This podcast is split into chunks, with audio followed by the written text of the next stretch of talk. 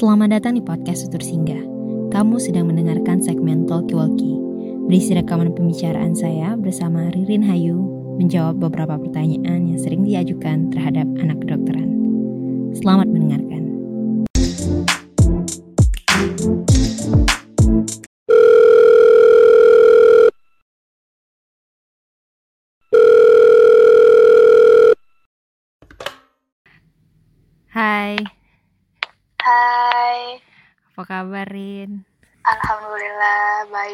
Dina gimana kabarnya?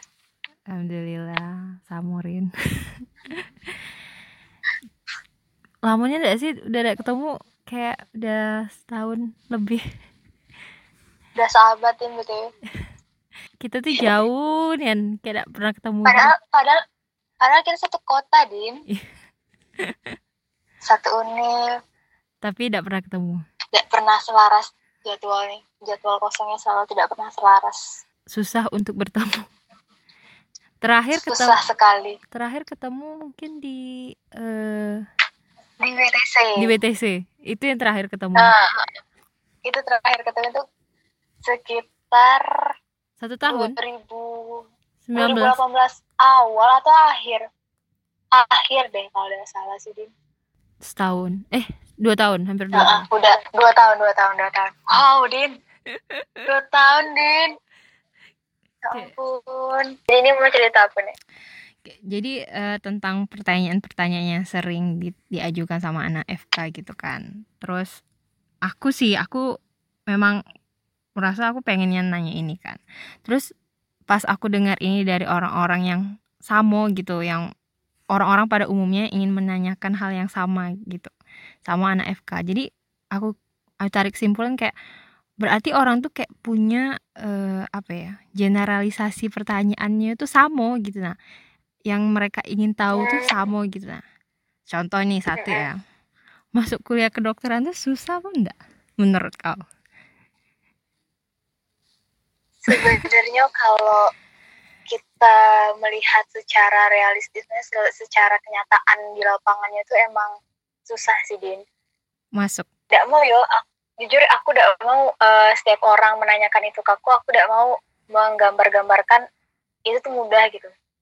Nyatanya pun aku pun eh, masuk ke FK tuh bener-bener sebenarnya itu emang passion aku sih, tapi untuk masuk lulus untuk masuk lulus atau enggaknya tuh yang bener-bener di luar dugaan aku gitu. Kan kamu tahu kan ceritanya gimana? iya iya Aku bener-bener ketika kayak, hah lulus gitu. tapi Jelas-jelas ini FK ini bener-bener susah din. Tapi ini pilihan pertama kau ya kemarin ya Pilihan pertama. Hmm. S SBM kan SBM kan Ah, ah, tes ya SBM. susahnya itu itulah orang tuh terkadang aku sempat sempat aku tuh pengen per- punya pengen masuk FK gitu kan itu alasan aku mau ngambil IPA dah terus seiring berjalannya waktu aku berpikir nampaknya aku udah sanggup nih gue bilang dah ya udahlah nah berarti kan notabene tuh orang yang masuk FK tuh ya pertama harus IPA kan? Terus Mm-mm, sains pasti. Ah. itu pasti itu IPA. ya dan mereka tuh akan mem- eh, menambah kepercayaan diri mereka kalau mereka punya nilai tinggi di IPA gitu nah. Jadi dia punya apa? Kepercayaan diri oh kalau aku masuk FK nih ada kemungkinan lulus. Nah kau kalau kau kayak mana Dari IPA ada kemungkinan lulus gitu. ya da- da- kau melihat kondisi kau saat itu dan saat kau memilih kedokteran kau merasa kayak mana kau punya eh, peluang waktu itu Enggak, Din. Enggak. Sama sekali enggak. jadi Jadi coba ya ampun aku kalau menceritakan soal awal mulanya tuh bener-bener pahitnya Din. Maksudnya tuh kayak melihat peluang aku masuk kan aku les di GU nih, Mm-mm. ya. Nih agak sedikit iklan-iklan iya iklan GU kan. Mm-mm. Kan GU tuh ada kayak try out gitu. Nah itu kan setiap try out tuh kan ditampilin tuh kayak passing grade-nya gitu. Mm-mm. Aku tuh sama sekali nggak pernah ngelewatin passing grade yang di GU tuh nggak pernah. terus Bahkan itu eh, FK Unja sekalipun aku nggak pernah gitu masuk passing grade itu. Jadi aku pun kayak yang, aduh kayaknya peluang aku dikit ya lah masuk FK nih kayak gitu kan Hmm. cuman kan kita kan sebagai manusia kan nggak boleh din kayak ah Nyerah. gitu kan Iya, iya, iya. kita belum belum belum juang tes hari hanya nih kok udah eh, udah nyerah gitu Mm-mm. dah aku tuh udah ada udah udah selemah itulah dulu gitu Iya. karena aku sekarang menyadari kok aku hebatnya nih gitu kan bisa orang-orang kayak kalau udah tahu udah ada udah ada peluangnya gitu pasti bakal milih jurusan lain yang sesuai dengan kemampuan dia passing rate dia gitu kan Mm-mm. kalau aku benar-benar ah coba dulu deh satu kali nih satu kali nih gitu kan. Aku kepo. SBM dan nih udah mulai. Dan dan ternyata? SBM pun itu aku bener-bener jawab soalnya tuh kayak yang banyak kosong din. Kayak yang nggak kayak orang-orang yang semuanya diisi yang itu. Kan sistemnya beda nggak sih? Iya, ada plus minusnya gitu. Jadi Mm-mm. kalau salah kita dapat minusnya gitu. Kalau Mm-mm. sekarang kan nggak ada tuh. Mm-mm. Jadi tuh ah, jadi aku udah mau ngambil ngambil resiko jawab yang nggak aku tahu gitu kan nanti minus kurang pula nilai aku gitu Iya. jadi aku bener-bener jawab yang setahu aku semampu aku Mm-mm. dan ternyata lulus yang sudah takdir. Pertama kita harus tahu itu takdir kita atau bukan. gitu. Iya, iya. Di samping usaha tuh ada keberuntungan ya. Itu sih. ah. keberuntungan hebat itu keberuntungan itu bakal selalu ada dalam setiap langkah hidup gitu. Tapi kok dipikir-pikir lagi, emang bisa ya kayak gitu kan? Setelah kau melalui itu semua kan, emang bisa ya? Mm-mm. Aku ada beberapa hari kayak merenung gitu kan, Mm-mm. kok bisa ya gitu. Ini salah gak sih gitu kan? Mm-mm. Ini ini bener ini bener-bener sih nanti aku mampu gak sih masuk di sini kayak gitu kan? Aku diam gitu kan sebelum daftar ulang tuh din. Mm-mm. gimana nih aku ngambil nggak nih ini benar-benar passion aku soalnya kan kuliah FK kan lama nggak sih Din? Sayang kalau kalau kita masuk ke situ terus kita bukan bukan kemauan kita sendiri itu kan bukan passion kita. Sulit pasti bakal. Tapi aku emang dari dari SMP atau dari dulu emang tertarik gitu sama dokternya gitu. Selain banyak yang yang dikenalkan dulu kan TK kan kita sering tuh ditanya-tanya "Punya cita-cita jadi apa? gitu kan. Dokter. jadi dokter jadi polisi. Itu kan yang paling yang paling kita sering dengar kan Iya, the, the most Dokter, polisi. cita-cita yang paling ada. Dokter dan polisi Oh, cuman. dokter dan polisi itu. Jadi kok kayaknya jadi dokter nih enak ya gitu bisa ngobatin orang. Kayak mana sih caranya bisa orang sembuh? gitu. Itu yang pertama kali aku mikir tuh. Kok orang bisa sembuh sih? Kayak mana sih caranya? Mm-mm. Tuh makanya itu yang bikin aku tertarik sama kedokteran nih kayak gitu. Oke. Dari eh, berarti kau masuk kedokteran di samping eh, usaha kau sih ada terdapat banyak keberuntungan. banyak keberuntungannya deh sih. iya banyak keberuntungan dan doa doa doa Hmm. orang tersayang tuh penting deh Pentingnya. Restu orang tua juga penting sih. Restu orang tua itu penting nih kita harus ngedapetin itu dulu supaya dipermudah kan Terus selama kau udah masuk nih, udah masuk kedokteran. Gimana kuliahnya? Susahkah? Ataukah? waktu awal-awal itu ah ini beneran kayak gini kuliahnya gitu kan jadi kuliah FK tuh dibilang gampang gampang sulit ya sulit gitu letaknya tuh kadang tuh kita benar-benar tidak tahu tapi kadang kita menemukan kemudahan kadang-kadang kita menemukan kesulitan kayak gitu Yang buat masuk tuh- FK yang Hmm. yang kita bener-bener SMA nih kan masih awal-awal itu kan masih kayak maba mahasiswa baru itu kan masih eh, beradaptasi nggak sih Din dari Iya. SMA ke kuliah gitu. Mm-mm. Nah masuk kuliah FK tuh bener-bener kita tuh udah dipaksa untuk siap gitu.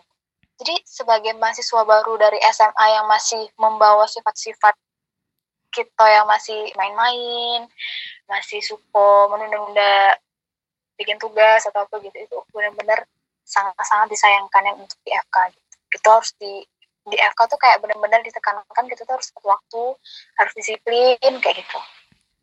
Jadi adaptasinya sih yang awal-awal itu yang adaptasi kita untuk membiasakan diri dengan eh, keseharian kita sebagai mahasiswa kedokteran itu yang sulit sih di awal-awal.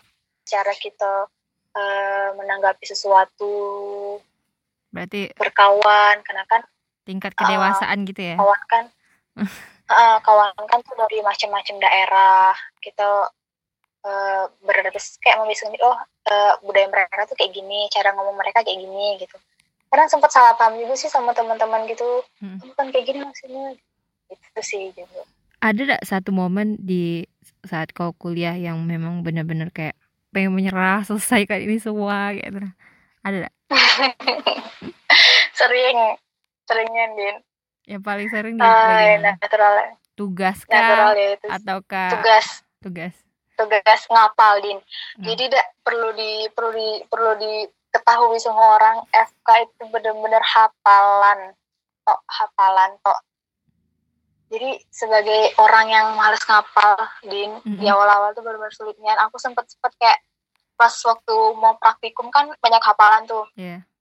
ini itu benar-benar depresi dan aku yang kayak tertekan "Ya, ini aku sih gitu ini kok beratnya ini aku aku salah jurusan ya gitu. Sering gak sih kepikiran kayak gitu?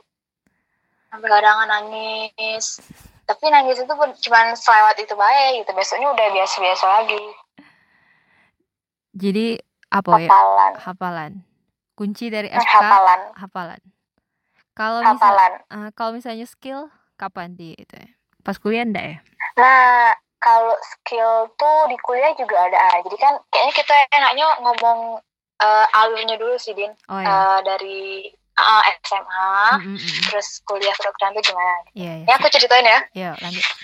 Jadi dari SMA tuh kan kita lulus terus nanti kalau mau masuk FK tuh kayak sama sih kayak jurusan-jurusan lainnya gitu. Ada dari SNPTN dari nilai gitu.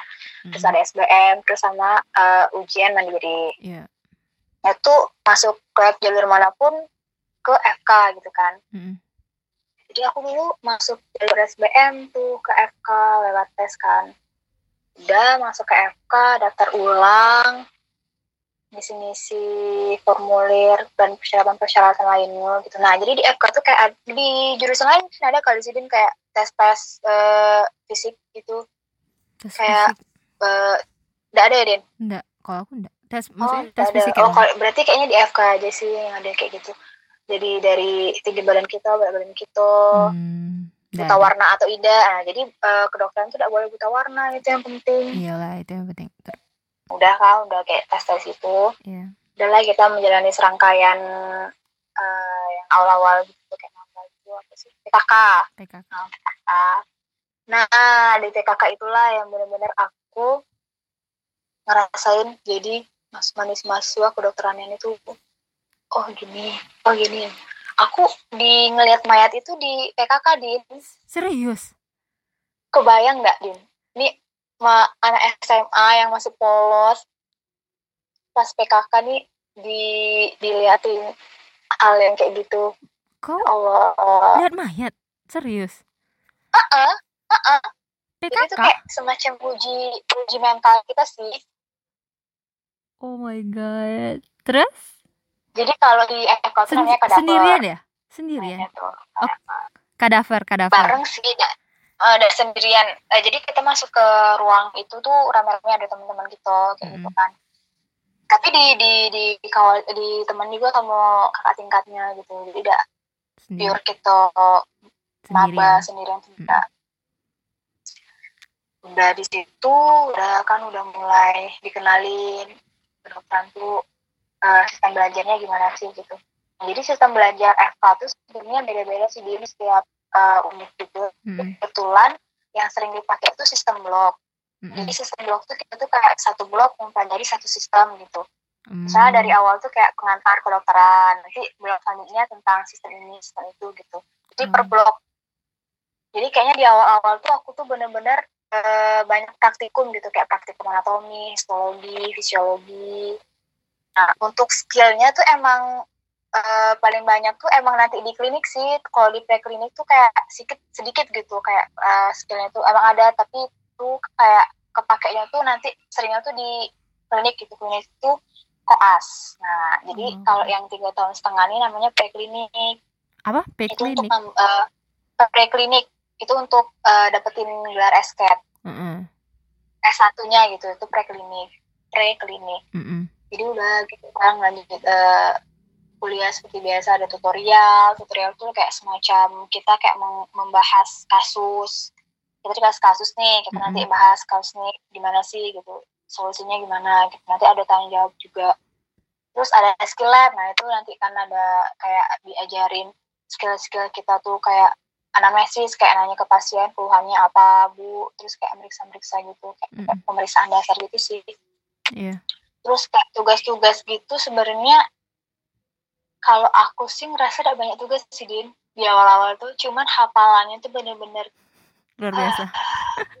luar biasa din Mungkin yang buat anatomi yang buat hafalan susah itu gara-gara pakai nama Latin itu ya mungkin. Eh, ah, ah. itu ya nama susah. latin din Mm-mm.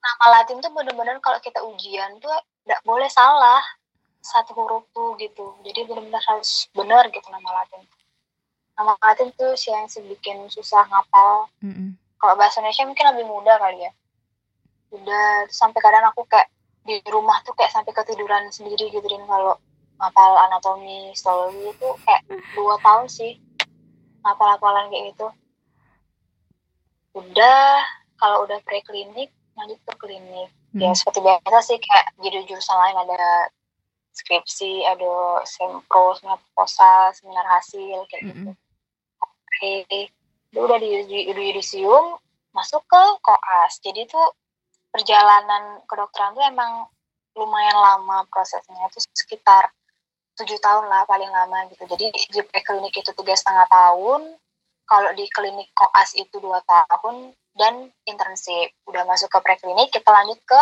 klinik itu koas. Nah koas itu selama dua tahun din itu di rumah sakit. Mm-mm. Nah itulah yang benar-benar kita yang diajarin dasar-dasar di preklinik tadi itu dipraktekkan di klinik di Mhm. koas nih gitu. Iya. Jadi kita tuh udah di, udah diajarin di preklinik kita praktekin lagi gitu di pasien langsung gitu. Tapi kalau di preklinik kan dengan phantom tuh atau dengan teman gitu kan Mm-mm. periksa-periksanya. Kalau ini benar ke pasien gitu, pasien yang menderita suatu penyakit gitu. Jadi kita bisa tahu oh yang normalnya tuh kan kemarin di preklinik gini tuh yang yang nggak normal ternyata kayak gini loh gitu. Jadi bisa ngebedain yang normal dan abnormalnya gitu. Eh, Bisa bisa bisa kayak gitu. bisa k- k- Eh, kau bisa kalau membandingkan gitu ya. ah bandingkan terus kalau soal cerita di koasnya sih aku udah terlalu begitu banyak sih Din karena baru ya baru baru beberapa bulan dan ini pun karena Ini gara-gara- liburan covid jadi oh, tuh COVID libur gitu. ya? dianggap kok ya libur din Hmm. diliburkan kami Ya, jadi cerita-cerita atau ilmu-ilmu yang benar-benar pengalaman yang kayak orang-orang dapetin di koas pas tatap muka langsung tuh udah kami dapetin gitu Nadine jadi sulit jadi kami cuma bimbingan online deh gitu bahas-bahas materi Kau udah sih koas berapa bulan? sekarang yang benar-benar koas di rumah sakit berapa bulan? Baru dua minggu din Baru dua minggu. tiga minggu tiga minggu tiga minggu tiga minggu Terus libur. libur sampai sekarang Jadi nanti ada ke koas selanjutnya ngelanjutin koasnya atau udah selesai lah itu? ini tuh eh, karena libur covid nih itu sih kan ada dua macam tuh kebijakan dari setiap univ tuh ada kayak stagnan atau tetap lanjut Mm-mm, jadi tuh kami tuh mengambil langkah tuh yang lanjut. Lanjut. Hmm, Eh, ada juga yang FK di univ lain tuh yang bener-bener eh, ngestopin stop semua aktivitas gitu. Jadi nanti pas sudah selesai libur baru dimulai lagi dari awal. Oh, tapi kalau kalian lanjut, Kayaknya tuh emang lebih lama sih selesainya gitu. Iya.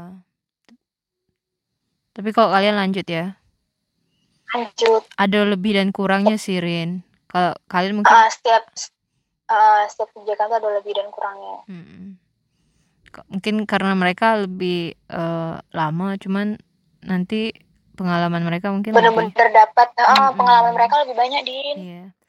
Jadi nanti ini udah koas nih ya. Misalnya anggaplah udah dua tahun koas. Terus eh internship. selesai koas in- sebelum internship tuh kita ujian dulu namanya ujian eh, kompetensi dokter namanya UKM PPD Mm-mm.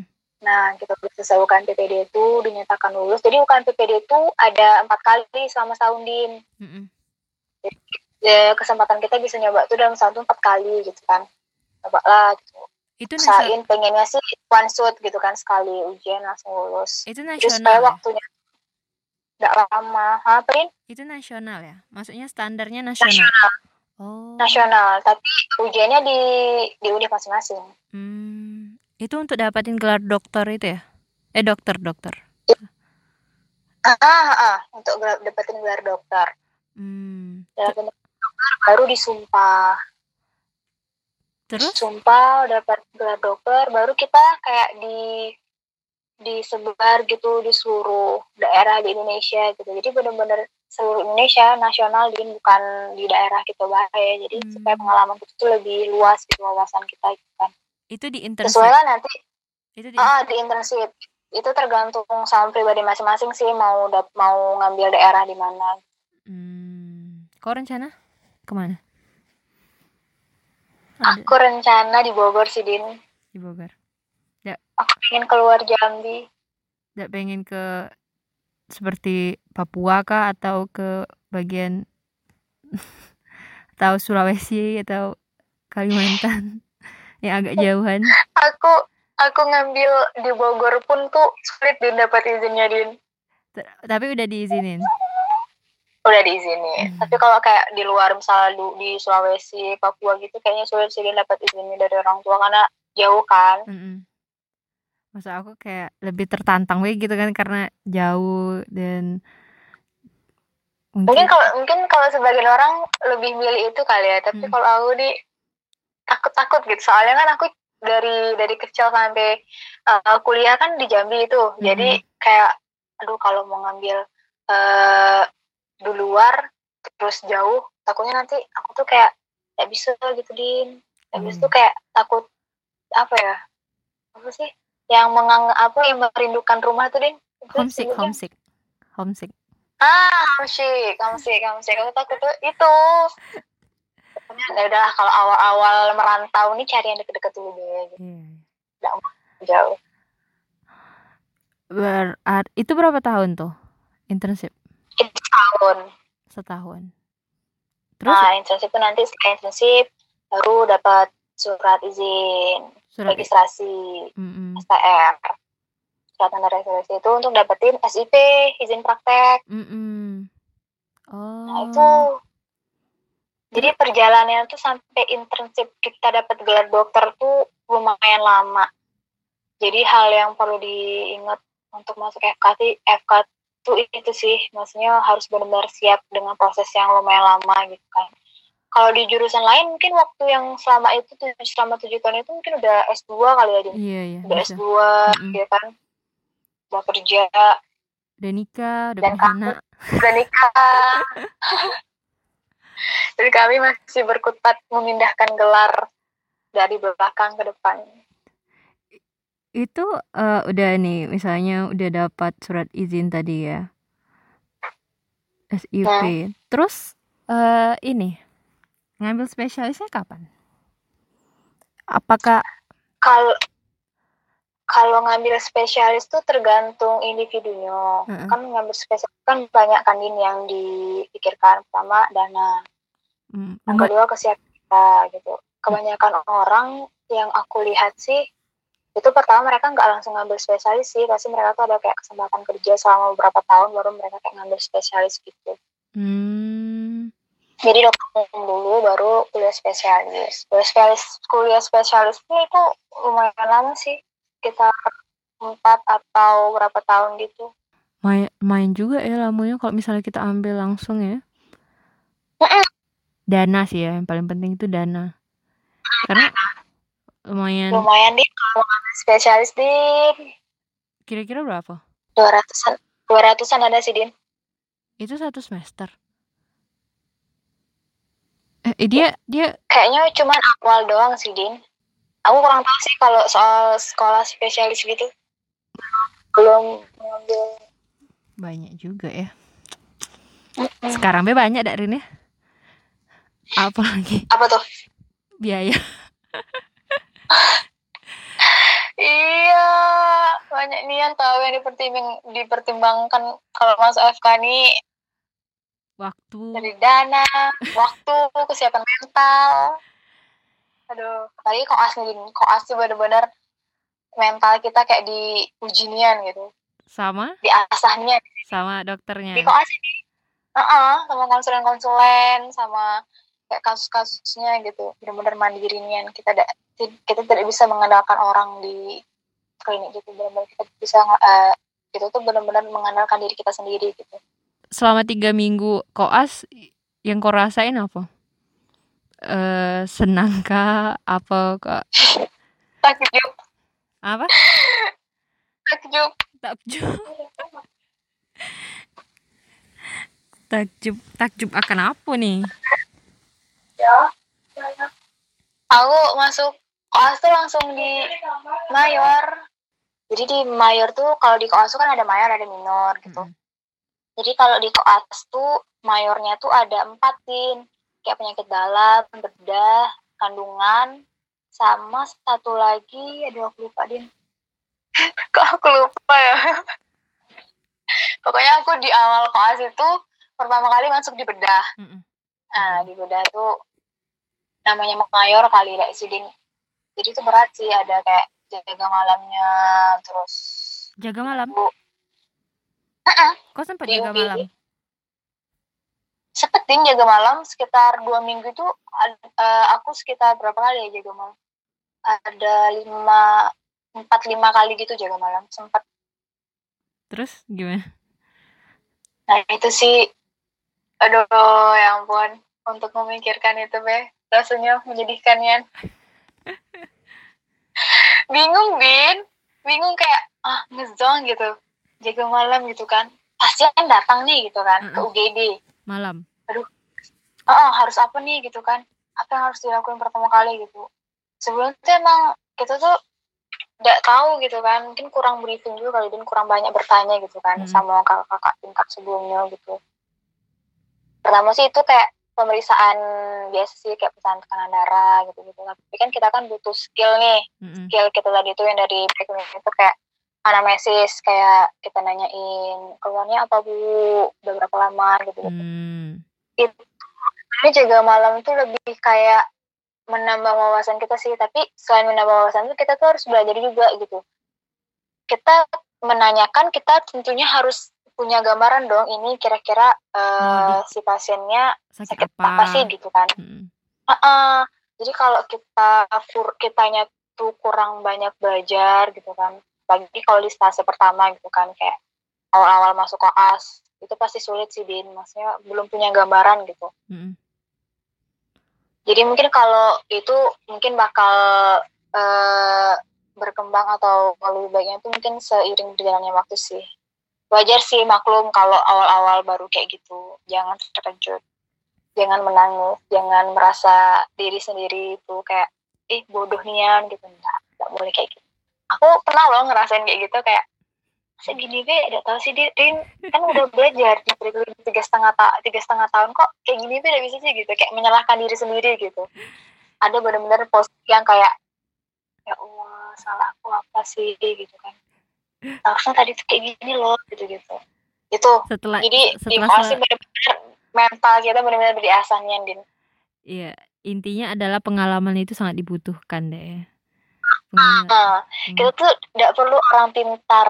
Kita tidak perlu menjadi orang pintar kita perlunya tuh menjadi orang yang berpengalaman ya sih? Benar nggak? Hmm. setuju Iya, setuju.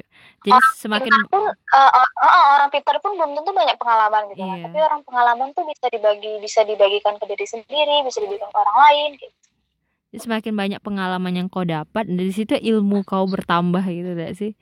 Apalagi ka- Mm-mm, kalau jadi kan kalian kan nanti pas kita pasien. turun ke lapangan tuh lebih siap gitu Mm-mm. Kan kalau kalian kan masalahnya itu kan apa yang terjadi dengan pasien ini kan semakin banyak kalian menghadapi eh, pasiennya berarti semakin banyak ilmu kalian itu kayak berkembang gitu kan? Heeh. jadi kayak kan tadi kan ketar- ketertarikan aku masuk FK tuh kayak kok bisa sih dokter tuh menyembuhkan pasien tuh gimana sih caranya? gitu. Mm-mm. ini bener-bener di- ditunjukkan jawabannya din gitu. Oh gini ternyata gitu kan. Jadi alur kita supaya tahu ini pasien sakit apa sih gitu ternyata kita membutuhkan waktu yang sangat lama untuk mendiagnosis gitu dan itu tidak mudah din. Ternyata mendiagnosis itu tidak mudah ya. Tidak mudah. Apalagi kok kasih obat ya Rin ya? Untuk menentukan obat Uh-uh. apa yang pen- obat apa yang eh, harus dikasih gitu itu susah juga ya. Ah, makanya apa yang aku pikir yang aku bilang dari awal tadi kan kayak hafalan itu pentingnya kalau di FK ngapal-ngapal obat di luar kepala itu kita harus di luar kepala di dalam kepala maksudnya. Di dalam kepala itu harus benar hafal nama-nama obat obat yang kita pakai. Jadi untuk memudahkan kita gitu din kan kita kan tujuannya dokter umum nih. Mm -mm. jadi di dokter umum tuh kayak punya uh, standar kompetensi gitu. Standar kompetensi yang harus kita harus kita kuasai sebagai dokter umum gitu itu sih yang lebih lebih aku pikirin sekarang tuh oh aku harus menguasai penyakit ini ini ini gitu sesuai standar kompetensinya. Oh jadi jadi untuk, untuk mempe, punya punya pegangan gitu setiap ganti setiap ganti stase mm-hmm. itu udah harus punya gambaran oh aku nanti harus tahu loh uh, penyakit ini tuh gambarannya kayak gini obatnya tuh gini.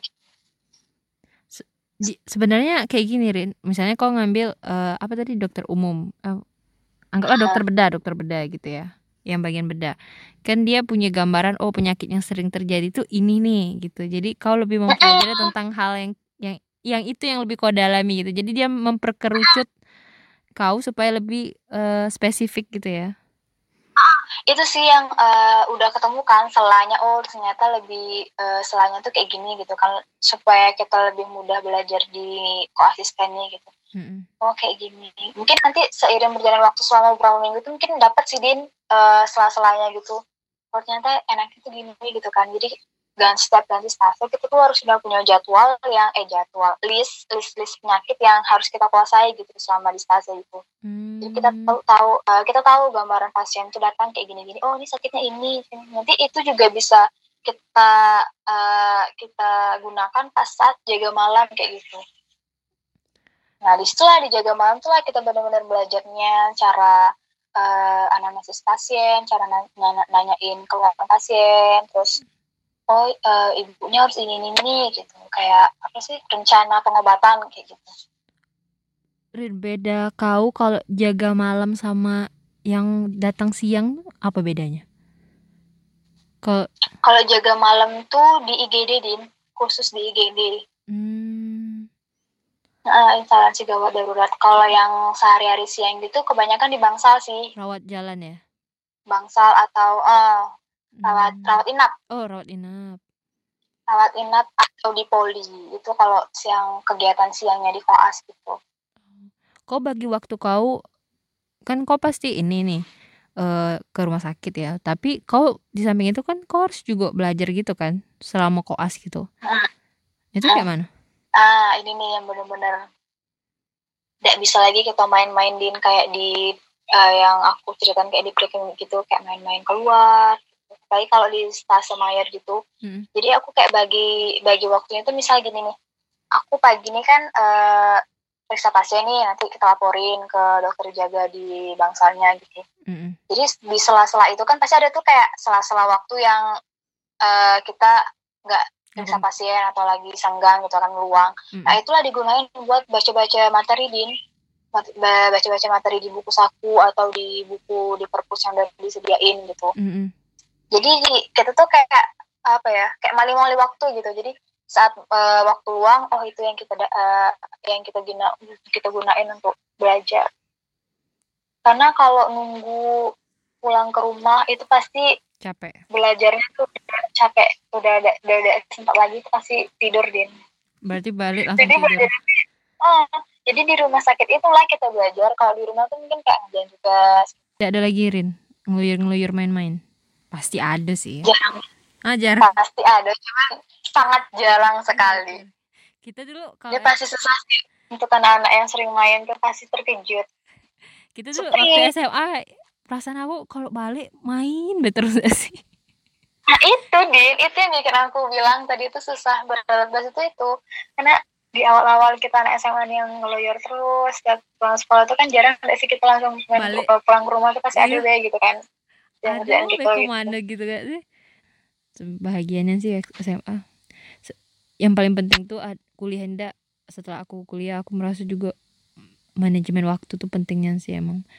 Kayak aku sepintar-pintarnya kita di mengatur waktu gitu. Mm-hmm. intinya mm-hmm. jangan nunda jangan nunda. Selagi kita ada waktu luang ya kita kerjain. Tapi walaupun mudah mengatakan itu Sus- susah. pasti susah, susah ya Din. Iya. susah kan? Aku kita susah. mudah mengatakan itu di kenyataannya tuh susah gitu. Susah nih emang. Jadi nanti ke nanti nanti. Ke nanti ujung-ujungnya mepet deadline baru dikerjain. Iya kalau aku sih emang kalau misalnya sempat melenceng be dikit perhitungan waktu aku gitu woi udah udah terselesaikan. Aku tuh pasti uh, benar hektik ya Din. Mm -mm. aku sempat ada satu semester tuh kayak limo limo limo praktikum gitu. Kok ada gak lebih lim, dari lima praktikum? Satu semester. Sehari. Satu semester. Satu semester. Lima kali praktikum. Itu di luar kuliah ya praktikumnya?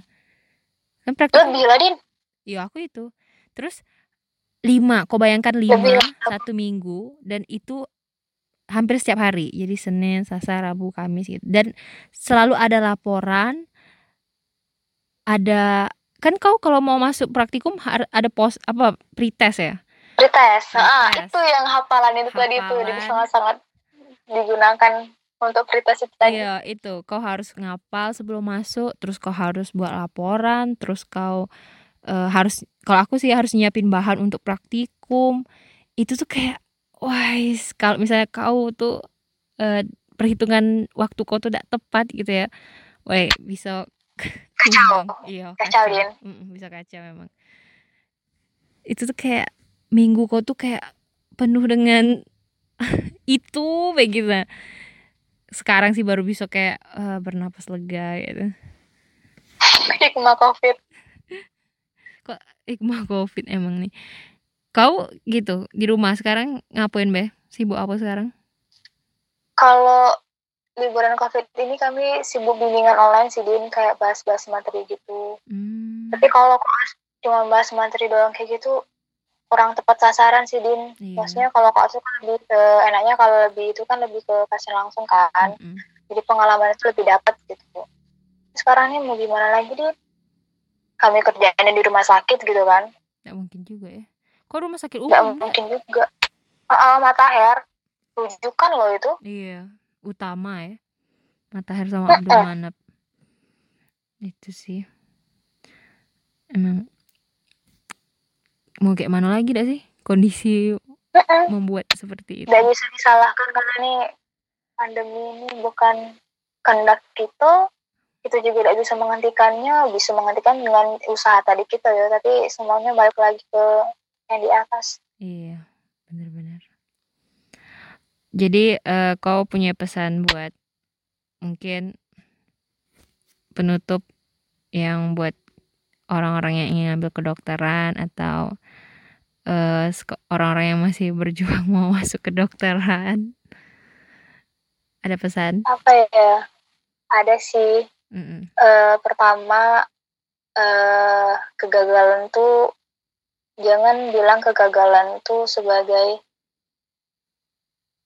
awal sebagai suatu apa ya kayak kegagalan tuh seolah-olah kayak dunia ini runtuh gak sih din mm -mm aku tahu sih perasaan orang-orang yang jujur kan masuk FK itu susah gitu kan. Hmm. Pasti banyak tuh yang gagal rela nunggu A berapa tahun. Ada yang berkali-kali pasti, ada oh, pasti pasti ada ada tujuan Tuhan yang lebih indah dari itu gitu. Mungkin emang bukan takdir kita di situ atau mungkin kita lebih ditakdirkan yang di tempat lain di jurusan lain gitu. Hmm. Kegagalan itu adalah awal dari kesuksesan. Iya deh sih gitu deh sih kata-kata kata atau quotes quotes gitu quotes, quotes. jadi pertama kali untuk masuk FK tuh kita harus benar-benar yakinin diri ini adalah benar-benar passion kita din itu yang penting ini passion aku aku tidak bakal susah ngejalaninnya karena which is prosesnya yang sangat-sangat lama yang udah aku jelasin tadi mm-hmm. udah berapa lama sudah tujuh tahun tadi tuh sangat-sangat disayangkan kalau kita mengerjakan masuk, itu gara-gara orang lain mengerjakan uh, itu semua karena iya karena orang lain bukan karena niat dari diri kita sendiri gitu mm. jadi nanti pun kita bakal sulit untuk apa ya untuk menjalani itu gitu. Jadi, sih kalau wajar sih kalau di pertengahan pertengahan di perjalanan gitu kita ngerasa kayak salah jurusan lah salah inilah salah itulah itu wajar sih. Tapi itu dulu yang kita harus yakin ini passion aku loh gitu. Okay. aku tertarik sama kedokteran tuh ini ini ini gitu. Karena diri kita sendiri niat dari diri kita sendiri. Okay. itu yang penting. Terus dana karena Penting ya. kuliah kedokteran ini banyak yang dibilang orang-orang tuh kan mahal din. Mm-mm. jadi itu sih yang disiapin yang disiapin selain mental dana dana dari orang tua bener. Tapi kalau dana sekarang kayaknya tidak terlalu dipikirin sih karena kan banyak beasiswa tuh din untuk orang-orang yang kurang mampu atau beasiswa prestasi gitu kan. Banyak ya Rin? Banyak yang dapat teman kau? Banyak teman-teman aku banyak yang dapat beasiswa gitu. Hmm. Jadi jangan takut sih kalau punya eh, skill atau punya kemampuan punya masuk kedokteran tapi dananya kurang tuh pasti ada jalan. Iya. Udah masuk pasti ada jalannya gitu. Dana. Dana usaha terus? Doa. Doa. sering-sering iya Din. Seringnya aku tuh kayak menjalani itu kayak sulitnya gitu selama kuliah nih. Aku tuh sering-sering minta doa dari ibu bapak dari orang-orang sekolah dukungan keluarga tuh penting sih. Iya.